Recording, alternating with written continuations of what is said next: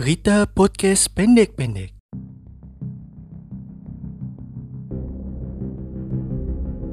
Speedboat Diva Express menabrak sebuah pohon setelah dihantam angin kencang pada saat perjalanan ke Pulau Kijang, Riau.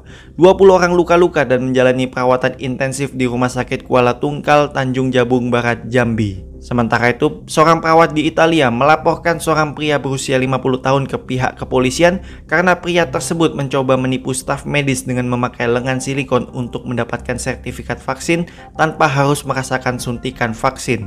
Pria tersebut mengaku kepada perawat tersebut bahwa dia sengaja memakai lengan palsu untuk menghindari vaksin. Sementara itu, seorang dokter bedah di klinik Freistad, Austria, dijatuhi hukuman denda oleh pengadilan Austria sebesar 2.700 euro setelah salah mengamputasi kaki pasiennya. Sementara itu, gedung Cyber 1 di Kecamatan Mampang, Perapatan, Jakarta Selatan mengalami kebakaran. Dua orang tewas dalam peristiwa tersebut dan sejumlah website dan aplikasi mengalami gangguan. Sementara itu, seorang pria ditangkap oleh pihak kepolisian New York, Amerika Serikat setelah memegang senapan dan mengancam akan bunuh diri di depan salah satu pintu masuk utama gedung Perserikatan Bangsa-Bangsa. Sekian berita podcast pendek-pendek kali ini.